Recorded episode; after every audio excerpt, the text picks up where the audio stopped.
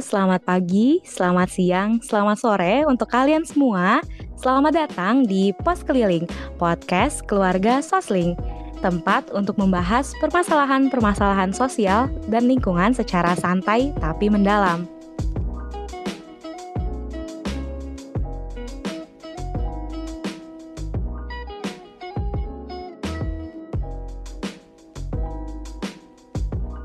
Balik lagi sama gue Mita di Pos Keliling edisi bulan September 2021.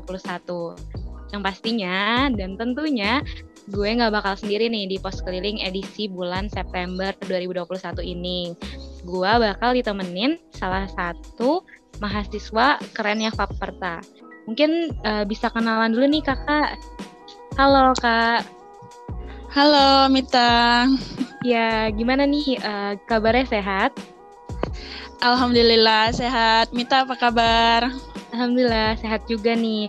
Boleh nih Kak dikenalin uh, namanya, terus jurusannya, dan mungkin uh, sekarang lagi di mana nih Kak semenjak PPKM dan juga ada pandemi ini? Oke, makasih Mita. Sebelumnya, perkenalkan aku Ketut Adi Kristiani dari Departemen Proteksi Tanaman uh, Fakultas Pertanian. Uh, sekarang uh, semester 7 uh, angkatan 55, domisilinya di Bali, belum balik ke Bogor.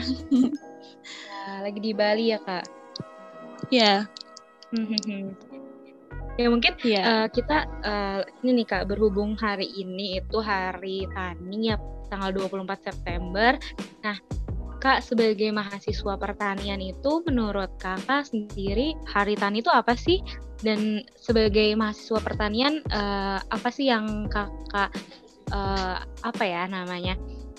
kayak uh, rasakan dan mau mau diubah atau misalkan yang unek-unek kakak seputar hari tani mungkin boleh nih uh, diceritain.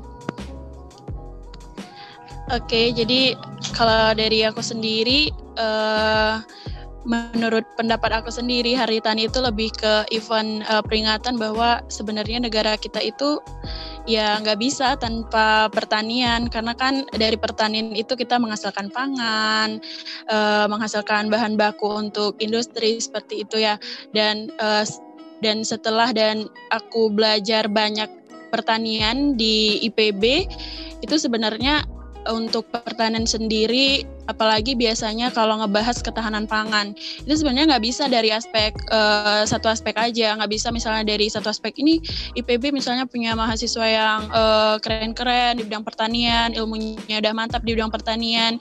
Uh, kenapa nggak diterapin? Nggak bisa kayak gitu. Karena juga elemen masyarakat uh, dan elemen pemerintah itu juga harus turut uh, apa ya harus turut uh, membangun pertanian, uh, turut uh, mengembangkan pertanian. Seperti itu sih yang aku rasakan. Karena selama ini aku rasa kita itu masih saling uh, apa ya saling uh, kurang kurang uh, kerjasamanya gitu. Masih misalnya kita masih menyalahkan pemerintah, kenapa sih pemerintah gini subsidi pupuk di mana bla bla bla bla.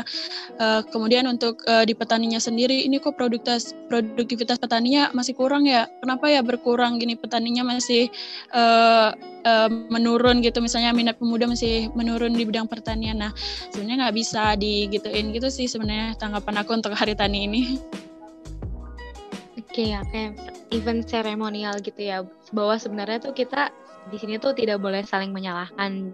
Justru di sini uh, kita harus saling bekerja sama ya kak. Nah kak. Iya benar kan, banget. Ya selain tadi masalah impor, terus masalah-masalah uh, pertanian dan kebijakan pemerintah tentang uh, pertanian, menurut aku nih ada nih kak yang salah satu masalah yang sebenarnya itu deket banget sama kita baik di uh, petani ataupun kita kan sekarang lagi musimnya berkebun nih gara-gara pandemi ini nih. Nah itu kayak uh, banyak banget uh, hama atau penyakit yang bikin tanaman kita itu uh, jadi gagal panen. Terus kalau misalkan di rumah itu tanaman hiasnya pada mati.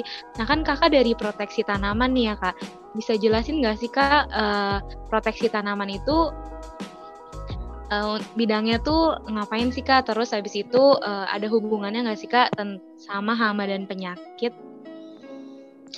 Oke, jadi kalau di proteksi tanaman itu untuk mahasiswanya itu belajar mengenai uh, hama dan penyakit tumbuhan. Jadi uh, di sini kita belajar dari dasarnya banget. Kita belajar tentang entomologinya, kita belajar tentang biologinya, lingkungannya. Kemudian uh, kita juga belajar bagaimana pengendaliannya. Uh, kita juga nggak hanya ngebahas tentang gimana mengendalikan hama, tapi kita juga uh, belajar tentang bagaimana menyeimbangkan antara keberadaan hama dengan uh, kita sendiri gitu. Jadi ada harmonisasi antara manusia dan hama. Sebenarnya seperti itu sih yang uh, kita pelajari gitu. Jadi tidak hanya tentang uh, memberantas atau mematikan hama seperti itu ya tapi lebih ke bagaimana menyeimbangkan uh, ekologi antara kita dengan uh, hama atau dengan uh, serangga.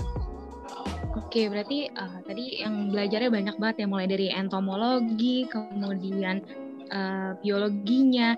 Nah, sebenarnya tuh beda nggak sih kak antara hama, kemudian penyakit, dan hmm, perbedaannya tuh pada apanya sih kak? Uh, iya, kalau belajar hama dan penyakit tentu kita harus uh, mulai dari definisinya ya. Jadi kita belajar dulu apa definisinya. Kalau hama sendiri, definisinya itu adalah semua hewan yang merusak tanaman uh, dan juga dan menimbulkan kerugian. Nah, di sini menimbulkan kerugian itu harus digarisbawahi karena pada dasarnya hama itu uh, ada itu karena kepentingan manusia sendiri karena manusia merasa dirugikan maka di situlah uh, menjadi hama seperti nah sedangkan penyakit sendiri untuk istilah yang paling umum atau definisi yang paling umum digunakan itu adalah definisi dari agrios di mana penyakit tumbuhan itu adalah kondisi di mana sel dan jaringan tanaman tidak berfungsi secara normal yang ditimbulkan karena adanya gangguan secara terus-menerus oleh agen patogenik maupun faktor lingkungan atau agen abiotik. Dan uh, akan menghasilkan perkembangan gejala. Jadi karena ada gejala terus-menerus, maka akan menghasilkan perkembangan uh, karena ada gangguan secara terus-menerus maka menghasilkan perkembangan gejala. Seperti itu. Nah, untuk bedanya antara hama dan penyakit itu sebenarnya benar-benar beda ya karena hama ini kan uh, dia le, uh, bisa terlihat atau makhluk uh, makroskopis. Nah, sedangkan penyakit ini uh, mikroskopis seperti itu. Jadi bisa dilihat itu atau uh, tandanya atau signnya itu dari uh, pengamatan di mikro, mikroskop. Nah untuk hama sendiri itu umumnya serangga, namun ada juga uh, moluska, misalnya itu uh, keong, kemudian ada juga tungau, ada trips, ada juga vertebrata. Misalnya paling terkenal pastinya tikus ya karena tikus paling uh, mengganggu tanaman padi. Nah, untuk uh, gejalanya sendiri juga beda kalau di hama itu gejalanya berupa gigitan, korokan, kemudian ada bacak juga dan juga ada lubang karena hama ini memiliki uh, alat mulut.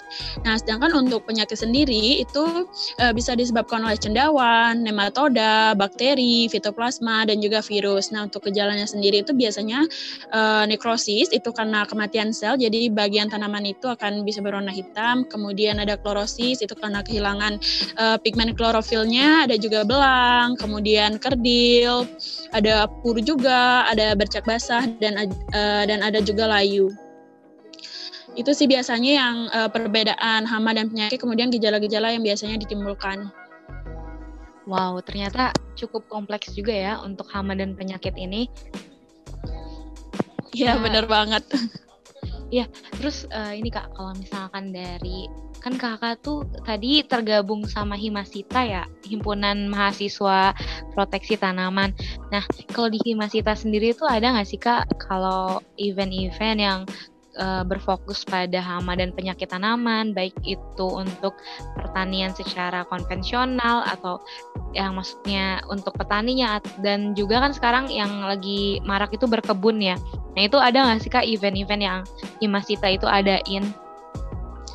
Uh, ya tentu ada ya kalau dari Himasita sendiri. Himasita itu uh, setiap tahunnya mengadakan uh, ini penana uh, challenge penanaman. Jadi uh, mulai dari uh, benihnya, kemudian bagaimana penanamannya, bagaimana pemeliharaannya, serta biasanya mendokum mendokumentasikan apa uh, hama dan penyakitnya, serta uh, bagaimana uh, cara pengendaliannya seperti itu. Nah untuk uh, kalau selain dari Himas sendiri dari departemen uh, di uh, Departemen Proteksi Tanaman sendiri itu uh, kita ada klinik tanaman. Jadi di sana kita belajar bagaimana uh, memanajemen uh, hama dan juga penyakit tanaman seperti itu. Oke, oke. Nah, mungkin uh, kakak sebagai mahasiswa PPN nih kak, atau proteksi tanaman, kan sekarang tuh lagi uh, maraknya untuk berkebun, home gardening, terus urban farming. Di situ kayak penyakit-penyakit yang sering muncul tuh kayak uh, ini kutubul kutu kebul, kemudian penyakit-penyakit bericak. Nah, itu sebenarnya uh, mungkin di sini para pendengar post itu penasaran uh, gimana sih sebenarnya cara mengatasinya gitu. Bisa atau bisa dipakai insektisida atau pengendalian seperti kayak pakai agen agen hayati atau pengendalian biologis kayak pakai bawang merah itu bisa nggak sih kak untuk uh, mengendalikan itu? Ya bisa banget ya. Jadi untuk uh, aku jawab dulu untuk hama dan penyakit yang emang sering uh, ada di tanaman uh, di rumah itu biasanya uh, sebenarnya tergantung dari uh, tanaman apa yang ditanam ya bisa aja di pekarangan kita uh, menanam cabai, uh, menanam tomat atau mungkin hanya menanam tam, uh, tanaman hias. Tapi untuk sebagian besar atau secara umum untuk hama yang uh, menyerang uh, tanaman di pekarangan atau taman, tanaman di rumah itu biasanya memang uh, larva atau uh, hama uh, ulat seperti itu. Nah untuk penyakitnya sendiri biasanya itu penyakit-penyakit uh, yang uh, gejalanya seperti klorosis, bercak atau layu. Nah ini biasanya disebabkan oleh uh, cendawan atau uh, virus bisa juga karena bakteri gitu tapi untuk lebih jelasnya untuk mendiagnosa kita tentunya harus melihat secara mikroskopisnya di bawah mikroskop kan seperti itu Nah, memang biasanya kalau uh, dari penyakit sendiri biasanya itu kebanyakan uh, karena layu, tapi nanti uh, bisa dicek-cek juga nih tanamannya ini kira-kira layu karena nggak saya siram atau emang layu karena penyakit. Nah, bisa nanti dicek kayak gitu. Nah, untuk uh, di pengalaman uh, saya sendiri ya untuk hama yang menyerang uh, di tanaman itu saya menanam stroberi itu uh, diserang ulat kantung pernah. Saya uh, menanam mawar itu diserang ulat juga karena pas pagi-pagi saat menyiram itu nih kenapa ya uh, tanaman saya kok hilang daunnya? Ternyata diserang ulat seperti itu. Nah kemudian kacang kacang juga pernah diserang oleh pengorok daun. Uh, mangga di rumah itu diserang oleh uh, lalat buah. Kemudian untuk penyakit itu tomat uh, di serang oleh penyakit hawar daun untuk cabai itu keriting kuning itu disebabkan oleh uh, virus. Kemudian uh, strawberry itu buahnya oleh cendawan itu namanya botrytis kemudian untuk bougainville sendiri itu ada uh, klorosis dan kacang itu rebah kecambah. Itu biasanya oleh Laifusarium jadi masih saat berkecambahan itu sudah uh, mati gitu. Mungkin uh, ini karena sekarang musim hujan ya karena uh, fusarium ini kan cendawan dan itu uh, suka atau uh, biokologinya itu lebih ke uh, daerah lembab gitu. Mungkin uh, banyak juga nih terjadi sama tanaman teman-teman di rumah. Nah, untuk uh, tips and triknya itu menjaga tanaman di rumah ini sebenarnya gampang banget ya. Uh, jadi yang pertama disarankan itu tentunya adalah menyehatkan tanamannya itu sendiri. Jadi sama seperti kita nih, misalnya kita uh, kalau kita udah sehat tentunya penyakit itu kan uh, kita bisa tahan terhadap serangan penyakit ya. Kalau nggak sehat ya rentan terhadap serangan penyakit. Nah sama nih seperti tanaman. Jadi uh, teman-teman di rumah nih bisa uh, menyehatkan tanamannya dulu, misalnya uh, dengan penyiraman yang rutin, kemudian uh, diberikan pupuk. Misalnya nih uh, melihara ayam di rumah seperti saya. Jadi nanti kotoran-kotorannya itu bisa di uh, letakkan di uh, pertanamannya.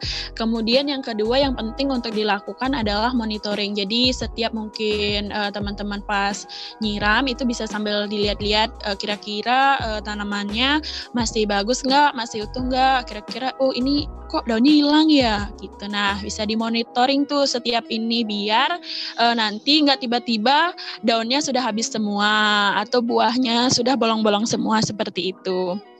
Nah, yang selanjutnya ini adalah pemangkasan yang rutin. Jadi, uh, kalau misalnya teman-teman punya bunga itu terlalu rimbun, itu teman-teman bisa uh, melakukan pemangkasan karena penyebaran hama dan penyakit ini itu uh, sangat rentan karena daunnya terlalu rimbun atau tanamannya terlalu rimbun. Jadi lebih gampang untuk mobilisasi si hama sama penyakit ini.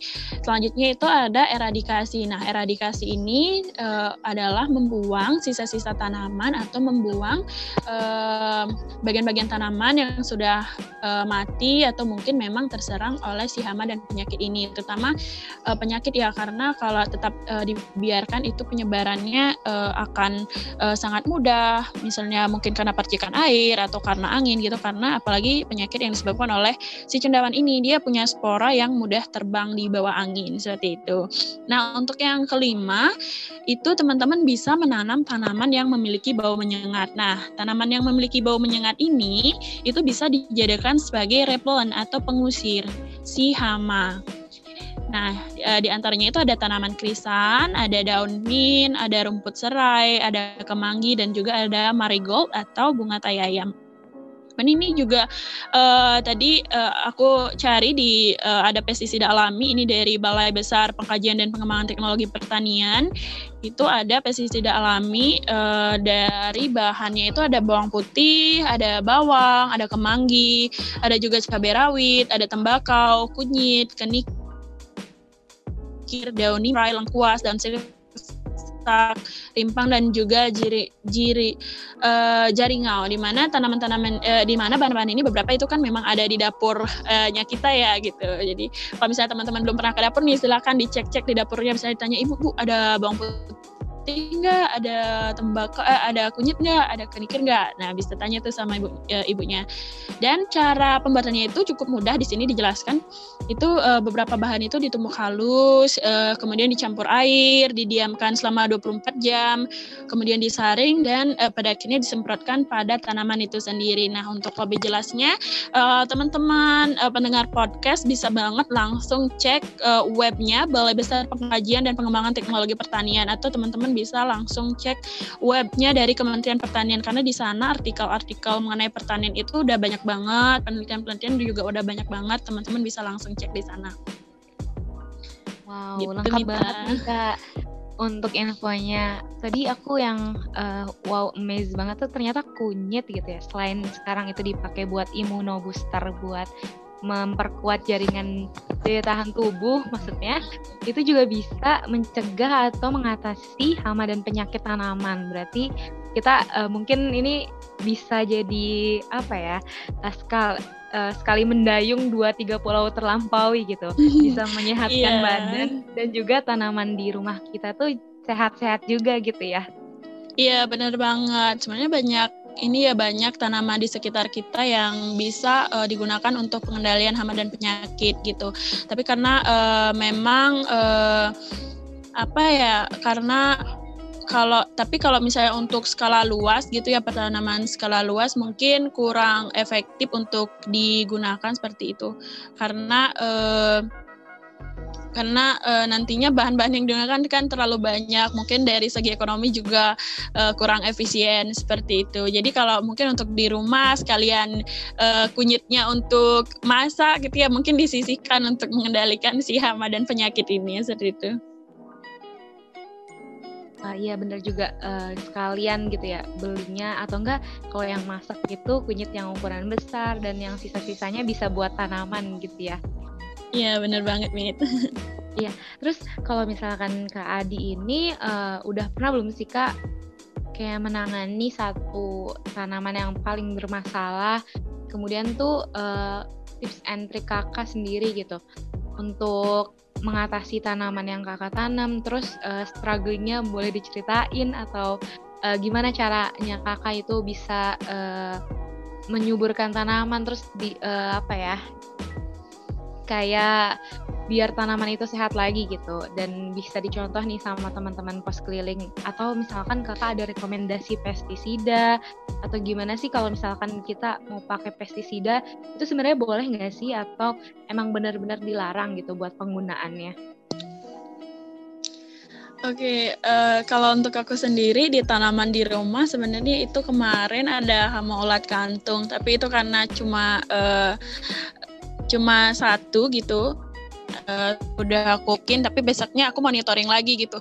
Ih nanti ada lagi nih si uh, hama ulat kantung ini gitu nanti seperti itu. Kemudian uh, kalau menurut aku yang paling struggle waktu ini aku itu menangani masalah tomat di rumah. Itu karena nggak kena hama itu kena penyakit itu uh, hawar daun.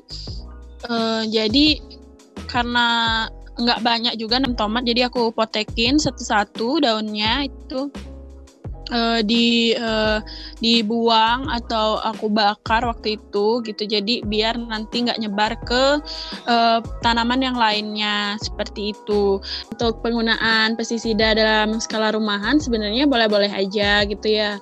Uh, untuk uh, pestisida sendiri yang biasanya digunakan yang banyak digunakan itu adalah desis biasanya itu. Karena emang spektrumnya luas banget gitu untuk nyemprot-nyemprot uh, untuk penyemprotan hama seperti itu.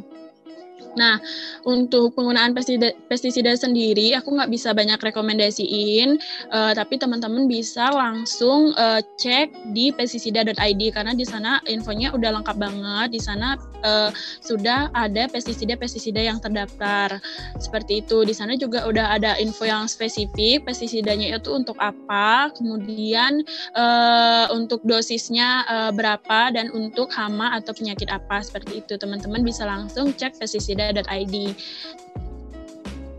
Iya bener juga ya, e, bisa jadi untuk skala rumahan ini kita sengaja tanam untuk e, kita sendiri dan itu buat pertanian organik gitu ya, biar eh, makanan-makanan kita itu lebih sehat gitu ya kak.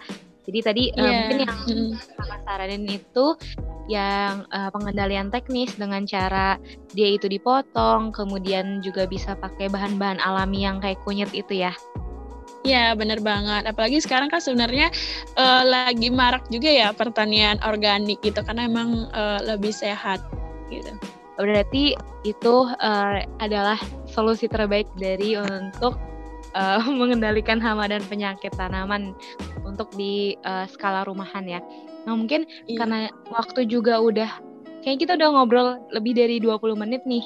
Uh, mungkin nih boleh nih dari Kak Adi uh, closing statementnya sebagai anak pertanian dan tentunya dan terkhususnya sebagai anak proteksi tanaman itu uh, bagaimana sih sebenarnya kita tuh bisa untuk mengendalikan hama dan penyakit dan juga sebagai uh, apa ya sebagai closing statementnya itu bisa di, bisa ditanggapi tentang hari hari tani dan bagaimana kita sebagai mahasiswa itu seharusnya menanggapi gitu dan juga merayakan. Boleh nih kak closing statementnya?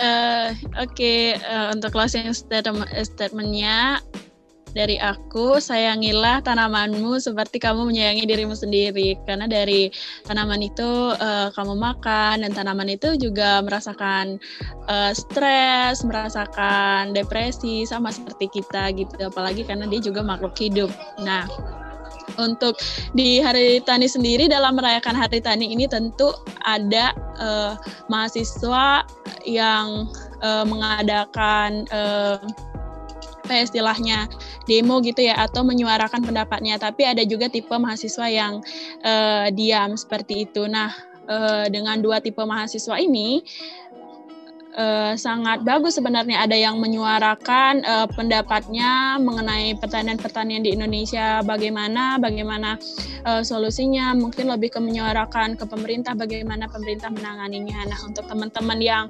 uh, belum memiliki bakat gitu ya, belum uh, turut ikut dalam menyuarakan pendapat ini, sebenarnya teman-teman bisa banget uh, memulai uh, untuk mencintai pertanian dari diri sendiri atau menyebarkan ke lingkungan sekitar bagaimana mencintai pertanian itu sendiri. Karena uh, seperti yang saya bilang tadi bahwa uh, apa pun pokok kita, makanan pokok, kemudian bahan-bahan industri itu juga berasal dari uh, pertanian. Kita tidak akan pernah bisa hidup tanpa adanya pertanian gitu. Jadi jangan pernah melupakan uh, pertanian apalagi memang dasar negara kita adalah negara agraris.